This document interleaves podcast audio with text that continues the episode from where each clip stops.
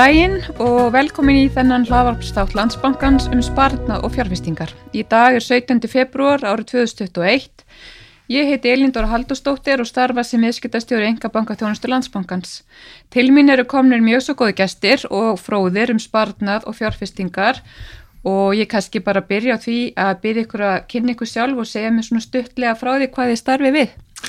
Já, ég heiti Ægir Örgunarsson og er senst að starfandi forstöðumadur eignastýringa landsbankans og við hjá eignastýringunni senst að við þjónustum efnamestu viðskiptavinni bankans og þessi viðskiptavina grunnur hann spannar allt frá sagt, einstaklingum, lögaðilum sem sagt, þá fyrirtækjum fullum rekstur sveitafélugum og, og styrtasjóðum mm -hmm. og alveg upp í lífeyrisjóði og aðra fagfyrfusta og þessa viðskiptavini uh, aðstofa við, við uppbyggingu egna saps, uh, vala fjárfæstingarstefnu og svo bara almenna fjárfæstingar ákjöf mm -hmm. Já, ég heiti Guðni Erla, Guðnadóttir og ég er sjóðstjóri hjá landsbreyfum og er að stýra blöndu um sjóðum sem er þá fjárfesta í öllum eignaflokkum mm -hmm. Mér er hjertalega velkomin hingað til mjög bæði tvö kannski aðeins fyrir þá sem að ekki vita þá er landsbreyf dótturfélag landsbankans og eitt stærsta sjóða og eignastýringa fyrirtæki landsins sem er hægt að kynna sér nánar á uh, slóðinni landsbreyf.is Einni ber mér að segja frá því að landsbankin er fjármálafyrirtæki sem lítur eftirliti fjármála eftirliti Sælabanka Íslands og upplýsingar um áhættu þætti tengda fjárfestingum og um lagarlegan fyrirvara má finna á vefslóðinni landsbankin.is skástrygg umræðan skástrygg hlaðvarp. Já, já, þá stendur ekki til vegi fyrir því að byrja og mér langaði að byrja að spyrja þig ægir. Er maður einhver tíman orðin og gamal til að byrja því að spara? Uh, Kanski til að svara þessu sem best, þá myndi ég sagt, alltaf segja að borgaði sig að byrja sem fyrst Já. sérstaklega ef maður vil nýta sér áhrif vaksta-vaksta inn í, í fjárfestingunni uh, því hún náttúrulega tímafaktorun er svo stóri því en, en að því sögðu þá er aldrei seint að byrja og svo til að bæta við það er heldur engin fjárhæð og lág til þess að setja í sparnaðin nú flest okkar eru nú þegar að spara í dag bara í gegnum almenna lífeyriskerfið þá í, í formi skildusparnaðar og svo er allt nokkuð margir að, að nýta sér líka sérregnarsparnaði með tveggja prósentan mótframlega í vinnuveitanda mm -hmm. og þetta er náttúrulega gert til þess að, að geta átt fyrir ellinni. Mm -hmm. en e, það er það sem við leggjum svolítið mikið áherslu á er þessi þrýðastóð og það er þessi reglulegi spartnaður það sem við erum að horfa á þá að, að það sé eitthvað ákveði sem fólk er að leggja reglulega fyrir sem eru þá eitthvað markmið bara hús mm -hmm. eða, eða bíl eða draumafríð eða eitthvað slikt mm -hmm. og e, þannig að, að það er mikið vegt að finna sér svona sína leið í þessu Akkurat. þarf ekki að byrja stórst og mætti þess vegna sko að ef maður sér ekki fram á að geta spara í dag þá er þess vegna hægt að skoða já, næst þegar ég far launahækun þá jafnvel sko hérna set ég eða eirdamerki hlut af því, því þeirri hækun í sparna já. Þannig að bara um að gera að finna sér sína leið í þessu. En nú erum alls konar sparnaform eða fjárfestingaform í bóði og alls konar eignarflokkar sem eru þetta misátu samir bæði innlendur og ellendir hvernig er best fyrir fólk svona nálgast þetta verkefni að velja sér sparnar fjárfestingaform út frá allir þessir flóru sem eru bóði hvernig, hvernig veit ég hvað henda mér? Já, svona myndi segja það að svona, svara með svona klassísku setningu í upphæðu skal endin skoða það er það að hvert er raunni markmiði með fjárfestingunni með maður horfið kannski á peninga einu og sér þá gera þeir kannski mikið liggjandi eitthvað staðar en, en mm. þeir geta fært manna þessi margt og hjálpa til við að uppfylla drauma og þá ég horfið svolítið á draumana sem drivkraft í að sapna peningum og fjárfesta mm -hmm. hvað þau getur gert við þá mm -hmm. og þá er svona mikið vært hver, að spyrja sig eins og ég sagði áðan hverju er verið að spara fyrir er það utanarsferði bíl eða, eða húsið eða, eða er bara einfallega stemt að fjárhastlegu frelsi mm -hmm. svo þarf maður líka að spyrja sig ok, hvert er áhættu þólið mitt uh, og til að svara þessu spurningum að, finnst mér bara gott að fólk getur sess niður með ráðgjafa og, og tala við ráðgjafa hjá okkur. Mm -hmm. nú, svo er það þannig að, að ef maður er að fjárfæst í verbreyfum að þau geta sveiblast í verði sérstaklega til skemmri tíma. Og þá þarf maður aftur að hugsa ok, til hvers langs tíma er fjárfæstingin er þetta þryggja til fimm ára fjárfæsting eða er ég bara að spara til eins ás mm -hmm. og þá þarf maður að velja sér fjárfæstingu sem er við, við hæfi. Mm -hmm. og hérna þó ég sé að nefna hérna tíma ykkur sko 3-5 ár þá er ég ekki að meina bindi tími í fjárfestingunni. Það er yfirleitt, allar fjárfestingar eru svona í þessum verbreyfum og verbreyfu sjóðum sem við erum að fást við þær eru innleysalegar með einstu tökjetaga fyrirvara. Þannig að einmitt en auðvitað eru hérna verbreyf söblukend og það er vantilega áhættan þannig að það er hort svona þegar maður er að fara fjárfest í þessum breyfum að maður hafi tíma fyrir sér kannski 3-5 og þótt þetta sé alltaf innleysalegt Já og rauninni sko fáir fjárfyrstíkakostir eða bara einstakir fjárfyrstíkakostir geta skapað óþarfa áhættu Já. og þess vegna er best eða svona til að ná kannski bestum, góðarung, bestum árangri með við áhættu að e, þá er gott að takmarka á, áhættunum með því að fjárfyrst í fleiri ein, einum fjárfyrstíkakosti mm -hmm. og þess vegna leggjum við sem setja eigna stýringunum mikla áhættslu á eigna dreifingu Já, og setja ekki öll ekkinu sem er körfina. Já, nákvæmlega. En hva, hvaða leiðir er þetta að fara til að ná fram svona egna dreifingu? Hva, hvernig ámar að horfa á það? Já, þrjá leiðir sem við erum að horfa á þar. Það er að velja sjálfur stök verbreyfi í sapn mm -hmm. eða þá að, að setja saman uh, svona sapn uh, með undirlegjandi sjóðum sem þá fjárfesta í þessum mm -hmm. stöku verbreyfum til og með samspyrir veru eru með sjóði sem að, að mhm. fjárfesta í bæði skuldabröfum og sérstaklega sjóði sem fjárfesta í hlutabröfum en svo er hægt bara að kaupa blandaða sjóði sem fjárfesta í með þessum uh, fjárfestíkukostum bæði þá skuldabröfum og hlutabröfum já, já, með fyrirfram ákveðinu svona fjárfestíka heimildum já, með þá þessa eigna dreifingu að markmiði vantarlega já.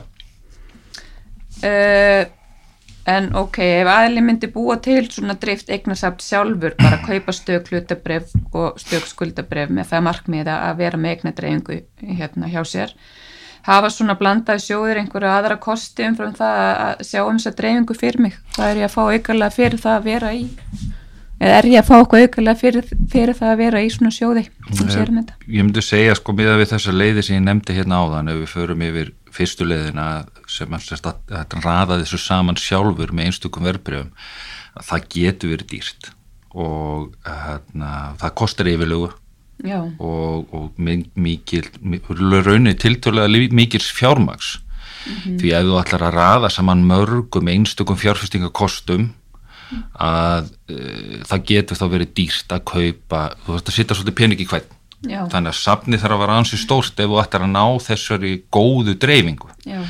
Eins er kostnaður samt að kaupa stök verbreyf eh, eða sko getur verið kostnaður samt sérstaklega ef þú ert að horfa minni fjárhæðir mm. og þá ertu svarað ekki kostnaði að, að vera að kaupa stök verbreyf mm -hmm. svona, já, ef þú ert ekki með þeimur stærri fjárhæðir mm -hmm. og það er einmitt, það er kostnaður samt að líka þegar þú ert að færa á milli mm -hmm. eignaflokka því við viljum náttúrulega geta brúðist við aðstæðum -hmm. og þá ertu jafnvel að borga kaup og söl, bæði kaup og söluþóknun þú sannlega borga kaupþóknun ef þú ferðin í verður á sjóð Já. en þú borgar ekki yfirleitt þegar þú ferð úr honum Já. og það sem gerist líka að, að sko þú ert að sjóðurinn er stöðut eða sjóðstjórin sem Já. er bak við sjóðin hann er stöðut að skoða stöðun og færa á milli Mm -hmm. hann fær betur í kjör í krafti stærðar mm -hmm. og pluss það hann getur líka keift eða dreift eignarsafninu betur í krafti stærðar sjóðsins Já, Já. Ummitt. og þetta er náttúrulega hans vinna þannig að það er kannski ekki allir sem hafa tíma áhuga á að standa í að fylgjast með Nákvæmlega. markanum daginn út og inn hann er að vakta þetta daginn út og daginn Akkurat Uh, nú stýrir þú svona blönduðum eignadreifingasjóði hjá, eða sjóðum hjá landsbyrjungunni. Mm -hmm. uh, eh, hvernig er svona hefbundin dagur hjá þér í vinnunni? Hefbundin dagur? Ég ætli, ef ég bara kannski byrja frá mótnið til kvölds, ætli svona dæmikjöru dagur byrja ekki á því að reyna að glukka hans í frettir. Svona skanna yfir það helsta. Mittl þess að græja nesti og vekja og íta ofti krokkum. Mm -hmm. En það er alveg gríðarlega mikilvægt fyrir okkur sjóðstjóra að fylgjast rosalega vel með því sem er að gerast bæði fréttum og helstu hagtölum og svo uh, þegar í vinnuna er komið þá er mjög algengt að við séum með morgumfundi og ég séðast markaðinni þeir eru að opna þarna og allir markaðir á Íslandi eru að opna hálf tíu Já. þannig að þá erum við að nýta þennan tíma fyrir opnun bara í að fara yfir yfir það sem við þurfum að fara og ræða og, og, og, og stúdara og svo sem þessi séðis efni þessar funda veist, þetta er eitthvað tengt markanum eða sjóðanum og við erum að funda með mm -hmm. með öðrum og mm -hmm. uppgjörsfundir og fleira og svo er ég náttúrulega svo lánsum og ég er að vinna með mjög færum og reynslu miklum sérfræðingum í landspröfum og okkar daglega starf að það er að fylgjast með markanum og reyna að meta best hvernig ber að haga fjárfestingunum. Við fylgjumst til dæmis grann með, við erum að fylgjast með ávistun og kröfu skuldabriða, hvernig hún er að þróast. Mm -hmm. hvernig krónan er að sveplast hvað kostu öðru myndum, hvernig verðbólgan er að þróast, hvað er að gerast á hlutabriðamarkaði og þetta eru við þá að nýta til að taka ákvörðunum hvort tilipni sér til að auka við einhverja fjárfestingu eða minka.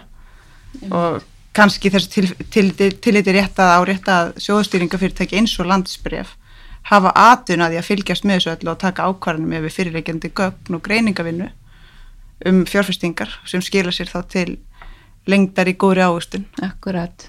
En svo þessu til viðbótar að þá er ég að annast bara svona daglegan rekstur sjóðana að það er að ég er þá að taka við innflæði ef einhver er búin að vera að kaupa í sjónum hann er að taka þá við þessu innflæði frá fólki og fjárfesti. Mm -hmm. eða þá að ef að einhver er að innleisa og taka út peninga þá er ég þá að selja eignis passa þetta sér allt. já, það er mörg, mörg hotna líta. Já, já, það sé skjótið inn í þú voru að tala um að kaupa og innleisa það er náttúrulega einn kosturinn við sjóðina, talar um að þegar maður er að kaupa og selja verbreyf þá getur myndast um fjármastikuskattur Já. ef það er hagnaður af, af brefunum þau bara færa á milli Já. að þá greiður maður ef maður er með eignarsaft sem er samsetta við stökum brefum að þá greiður maður fjármastíkjaskatt þegar maður innleysir hagnað mm -hmm. en þetta er einmitt það sem sjóðurinn býr við að það er ákveði skattarleitt hægraði að, að þegar sjóðurinn er að innleysa og færa svo milli eignaflokka innan sjósins þá gerist það innan sjósins Já. þannig að hlutenda skýrtirins hafi sem sá sem á í sjónum hann greiðir ekki fjármástekjuskatt nema þegar hann tekur pening úr sjónum Já. og þar að leiðandi er þessi sagt, þetta skattar eða hægraði sem er svo mikið vært en ég tek náttúrulega fram að, að sagt, skattalega með fyrir fjárfestingar aðeist náttúrulega sjálfsögðu að aðstæðan hvers fjárfestis fyrir sig og getur náttúrulega tekið breytingum í, í framtíðinni mm -hmm. til dæmis ef að vera skattabreytingar eða Akkurat. lagabreytingar eða slikt sko. Akkurát. En hva, hvernig ámar eh, viðskipti með svona sjóði að er?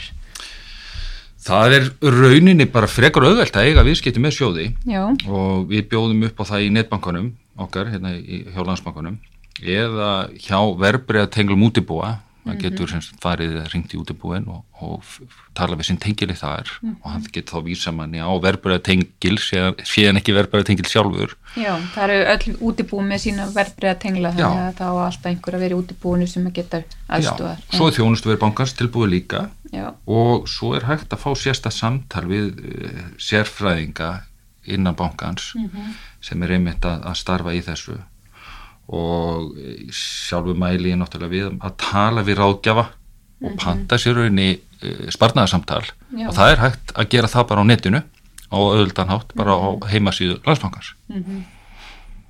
En það er eitt sem að ég nú aðs að hugsa um hérna, það er alltaf að vera að tala um áhættu tengda verbreyðum, hver, hver er þessi áhætta og dugar þessi eigna dreifing til þess að draura áhættu og er hún líklega til þess að skila nægilegri áhugstun? Þetta er góð spurning Já. Já. En sko það er almennt gildir um fjár, fjárfesta og, og ég er bara sjálfur í þeim spórum að alveg, almennt vill maður fá sem hægsta ávöxtun og takins litla áhættu mm -hmm. eins og möguld er mm -hmm. eh, sem sagt áhættan er raun og veru mæli hverði á óvænta breytingar. Og það er svona eins og ég segi verbrið við eðlísinu eins og ég segði að hann sveiblast geta sveiblast sérstaklega þessu skemmri tíma. Mm -hmm. og það geta jafnvel orðið óvanda breytingar um umhverjunu jafnvel sem fyrirtækin sem þú ert að fjárfæst í hafa e, e, sko, ráðarauðin ekkit yfir. Mm -hmm. og nær tækast að dæmið til dæmis COVID. Uh, og hérna þegar faraldurinn skellur á að það eru til dæmis ferða fyrirtæki frekar ítlastöld mm -hmm. að meðan tækni fyrirtæki taka róku upp á við. Já. og það er, þá er svona hefur maður haldið því að maður sér kannski þetta ekki fyrir að maður veri ekki sérstaklega vel settur að vera með allan peningi sinna á, á einu ferðarfyrirtæki Akkurát Þessu tímapunkti þannig að, að sko eins og ég kom áðan inn á að þá skiptir dreifingin gríðarlega, gríðarlega máli þegar það er ekkert örugt í heimi fjárfestinga mm -hmm. og rauninni myndi ég segja að það er engin fjárfestingakostur laus við áhættu alveg sama hver hann er, hvort sem er verbreyf eða eitthvað annað. Já, hvort sem er þá, erum að tala um verbreyf, þá erum við nú alveg að tala um skuldabreyf og, og mismunandi tegundu skuldabrefa og svo hlutabreyf. Já, og mismunandi þá fyrirtæki, fyrirtæki já, og, og mismunandi geira, geira. og þeir geta líka sveiprast á móti hver öðrum eins og ég var að nefna á þann í COVID-19 sko. Akkurat. En svo er það þannig á milli eignaflokka þá getur líka verið svona ákveðin sveiplu jafnari á milli til dæmis hlutabreyf og skuldabrefa. Það er svo neikvæð fylgni á milli hlut og skuldabriða svona almennt þó að það geti náttúrulega sjálfsögðu verið, verið undantekning á þeirri reglu. Þú meinar þó að þegar til dæmis hlutabriða verið fara upp að þá skuldabriða verið nýður og öfugt. Og öfugt, já. Þannig að þetta svona stiður baki okkur öðru. Já. Tempra svolítið sveiflunar. Tempra sveiflunar, ymmi. Og það er markmiður rauninu veiknadreifingunni að, að, að tempra þessar sveiflur mm -hmm. því að, að við erum aldrei náttúrulega fullviss um hvað framtíðin ber í skuldi sér mm -hmm. og þetta er tölver áhættu, áhættu sagt, e, dreifing í, inn í svona eignasamni. Já. Ef við förum aðeins í að ræðum vexti og sparnað og þá sérstaklega kosti þess að spara með því að fjárfyrsti sjóðum. Nú eru vextir í sögulu lámarki og menn hafið márabil talað um að vexti séu allt á háur hér á landi. Uh, nú þegar þeir eru lágir þá heyrum við að hvart eftir því að spari fjóri eigandur séu ekki að fá nógu að háa vexti hvernig kemur þetta heim og saman, Gunni? Já, það hefur verið þetta hefur verið mjög jákvæð þróun fyrir heimili og fyrirtæki að vakstast í hafa lekka á Íslandi og séu nú erum við farað að nálgast það sem tíðkast í þau löndum sem við berum okkur sama við að þó vextinnir séu reyndar en nokkuð lægri erlendi sem hér og jafnvel í sumu tilfellum eru þau neikvæðir mm -hmm. sem er svo sem ekki endilega eftirsóknu verð staða en lágir vextir að þeir lækka fjármáskostnað bæði heimila og fyrirtækja og það þarf svo sem ekki að fjölir þau um að reksturinn verður léttar eftir því sem vakstabyrðin verður minni hvort heldur sem þú ert að horfa þá til heimila eða fyrirtækja. En hinliðin og sama peningir hins vegar sá að bankabókin hún er svona skila helst til slagri ávöxtum en svo, svo, svo við setjum kannski vaksta þróunina í samhengi að þá voru meginvexti sælabanka sem í daglugu tali er þá oft nefnt stýrivextir, þegar við erum að tala um stýrivexti Já. að þeir voru 3,6% árið 2011 á legsta punkti í síðustu kreppu. Og hafðu þá lækka jæmt og þéttur á hrunni en í dag eru þeir 0,75% og þarna stýrivextir þeir mynda gólf undir aðra vexti í landinu og þessi lágu stýrivextir nú þeir leiðað af sér að að innlánsvextir eru sögulegu lámarki til dæmis eru vextir á óbundum innlánsreikningum í dag 0,1 til 0,25% og svolítið verður þetta upp aðeins en þetta skilir sér í neikværi raunávustun þegar hortið til verðbólkunar og til þess að fá herri vext en þetta þá þarf að binda innlánið og því lengur sem binditímin er því herri eru vextinnir en, en hérna, til þess að verðtryggja þetta mm -hmm. til þess að verðtryggja innlánið þá þarf fólk að festa innlánið að lámarki þrjú ár já, bara lögur samkvæmt og þetta svo sem endur speklar veruleikan í þeim efnarsum hverfi þar sem vakstastíðið er látt Akkurat. Uh, en eru samt ekki einhver tækifæri sem að hægt er að finna í svona lágast umhverfi fyrir spórfjóri eigundur Jú, að kannski fyrsta nefna í því vakstastumhverfi sem búum við í dag að þá getur verið tækifæri fyrir þá sem skulda að endur fjármagna fastegna lána hafkamari vöxtum Akkurat, og lækka greiðslubyrði Akkurat, það hefur verið hérna raunin já, okkur, já. Lækka greiðslubyrði, hraða upp greiðsluláns eða jafnveg stækka við þessu húsnæði sem, sem við höfum kannski mm -hmm. líka svolítið, svolítið séð og, og bara svona í ljósið þess hvernig hérna, þrátt fyrir þessar hröðu kólunum hagkerfisins að þá hefur velta á fastegnamarkaðanum stór aukist og fastegna verið hækka sem var kannski ekkit endilega það sem að sá fyrir mm -hmm.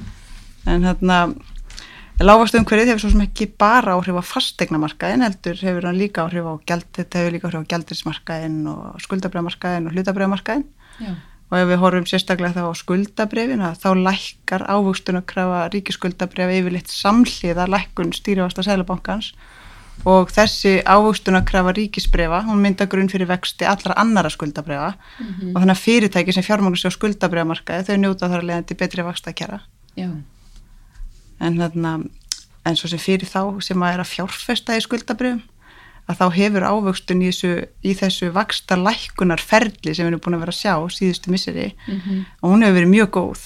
Hún hefur skilað sér um mitt. Já, Já.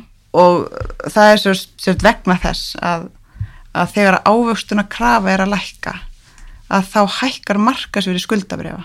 Mm -hmm. En þegar vextir er orðinja bláir og þeir eru í dag að þá er kannski ekki svigrúmi til frekari vakstalækana til staðar, allavega ekki jafn mikið og þá má í raun ekki, það er ekki hægt að vænta jafn góðrar ávöxtunar á, á áhættu litlum skuldabrefum eins og hefur verið síðustu ár en það er vissulega möguleik að fá herri vexti heldur en á bankabók. Á bankabók, emmett. Já. Já.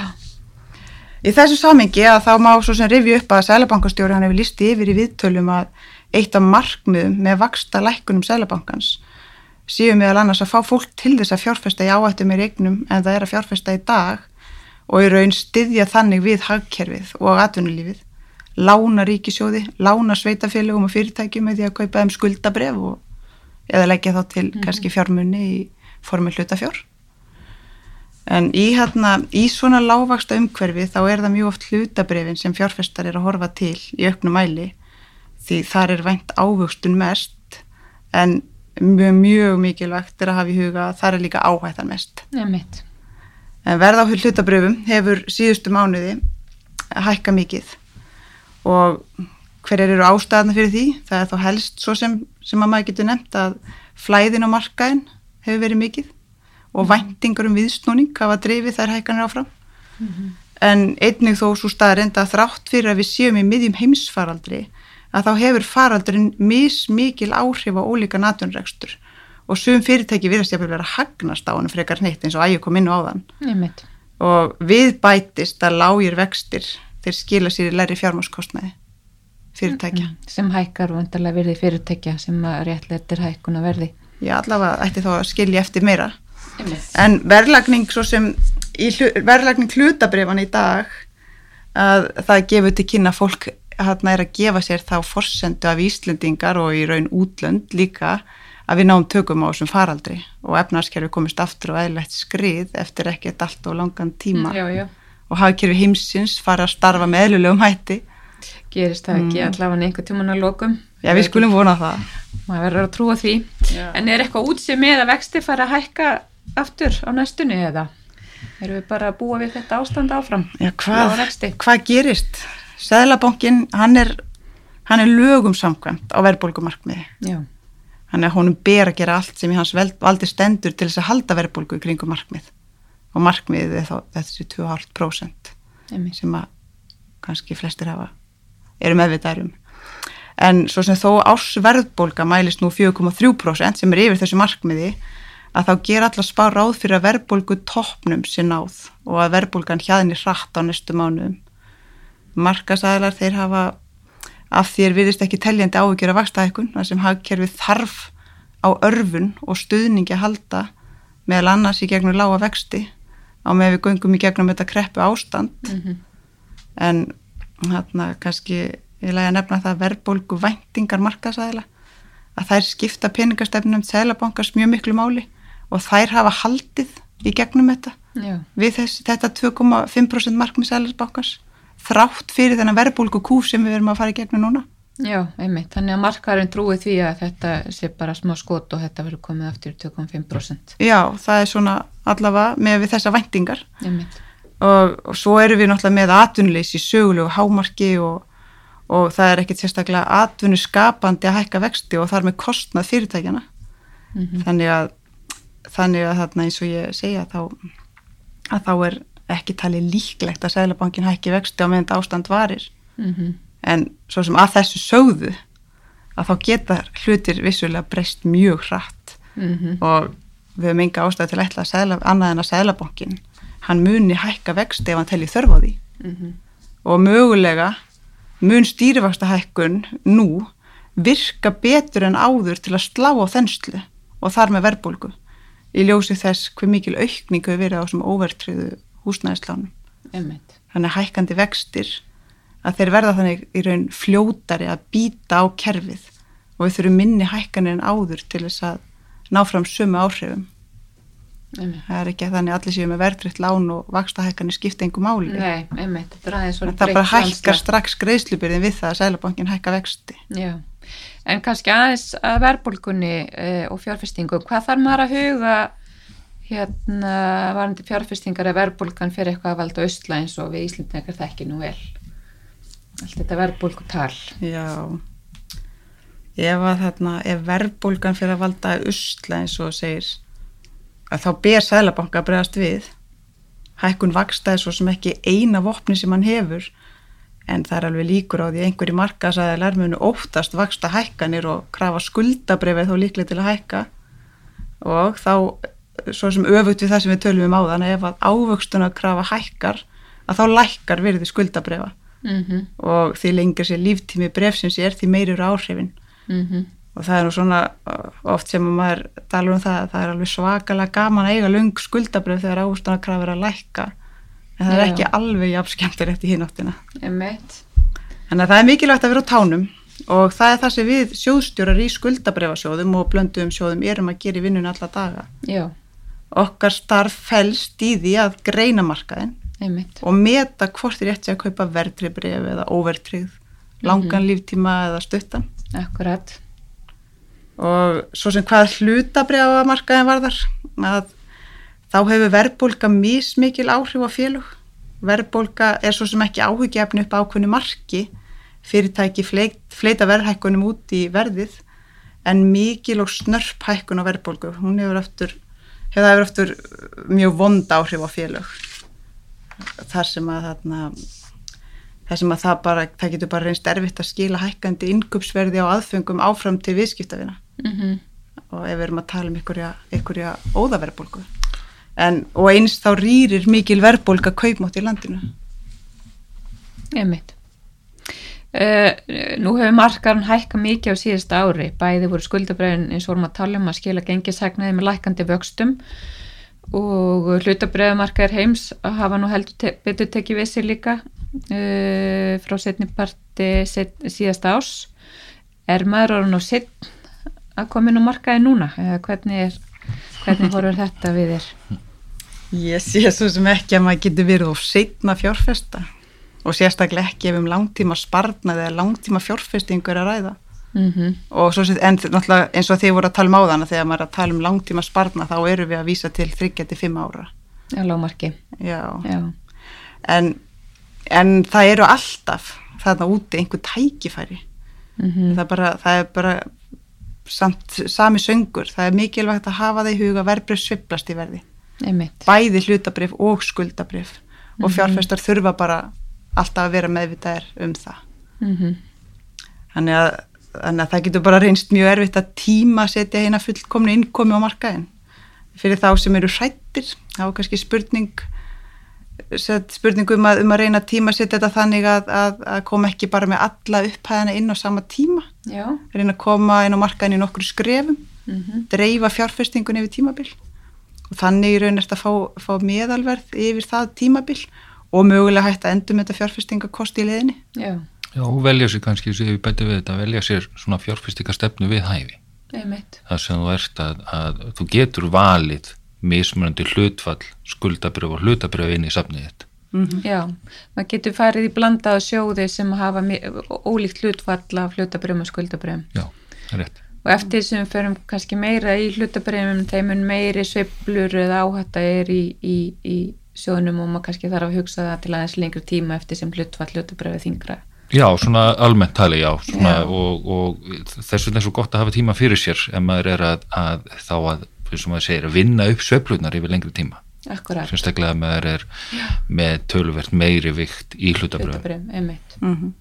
Já, varandi það líka sem Guðni saði áðan að, að koma í nokkun skrefu inn á markaðin þá er til dæmis reglubundi sparnaður hann getur hendað sem sagt, þeim sem vilja raunni koma í þessum skrifun á markaðin og geta, við getum sett að þannig upp að við komum til að geta kift sjálfkrafa í sjóði fyrir ákveðin og upphæði hverju mánuði. Ég mitt þá ertu alveg heldur betur að fá meðalverð bara Algjörlega. yfir árið. Já, já. ég skilji. Uh, hvað sjáu þið fyrir ykkur að sé svona frammyndun á mörgum hverjar eru óknarnirnar og hver, hver eru tækifærin? Já í heimi fjárfestinga þá er alltaf einhver ógnanir en það eru líka alltaf einhver tækifæri.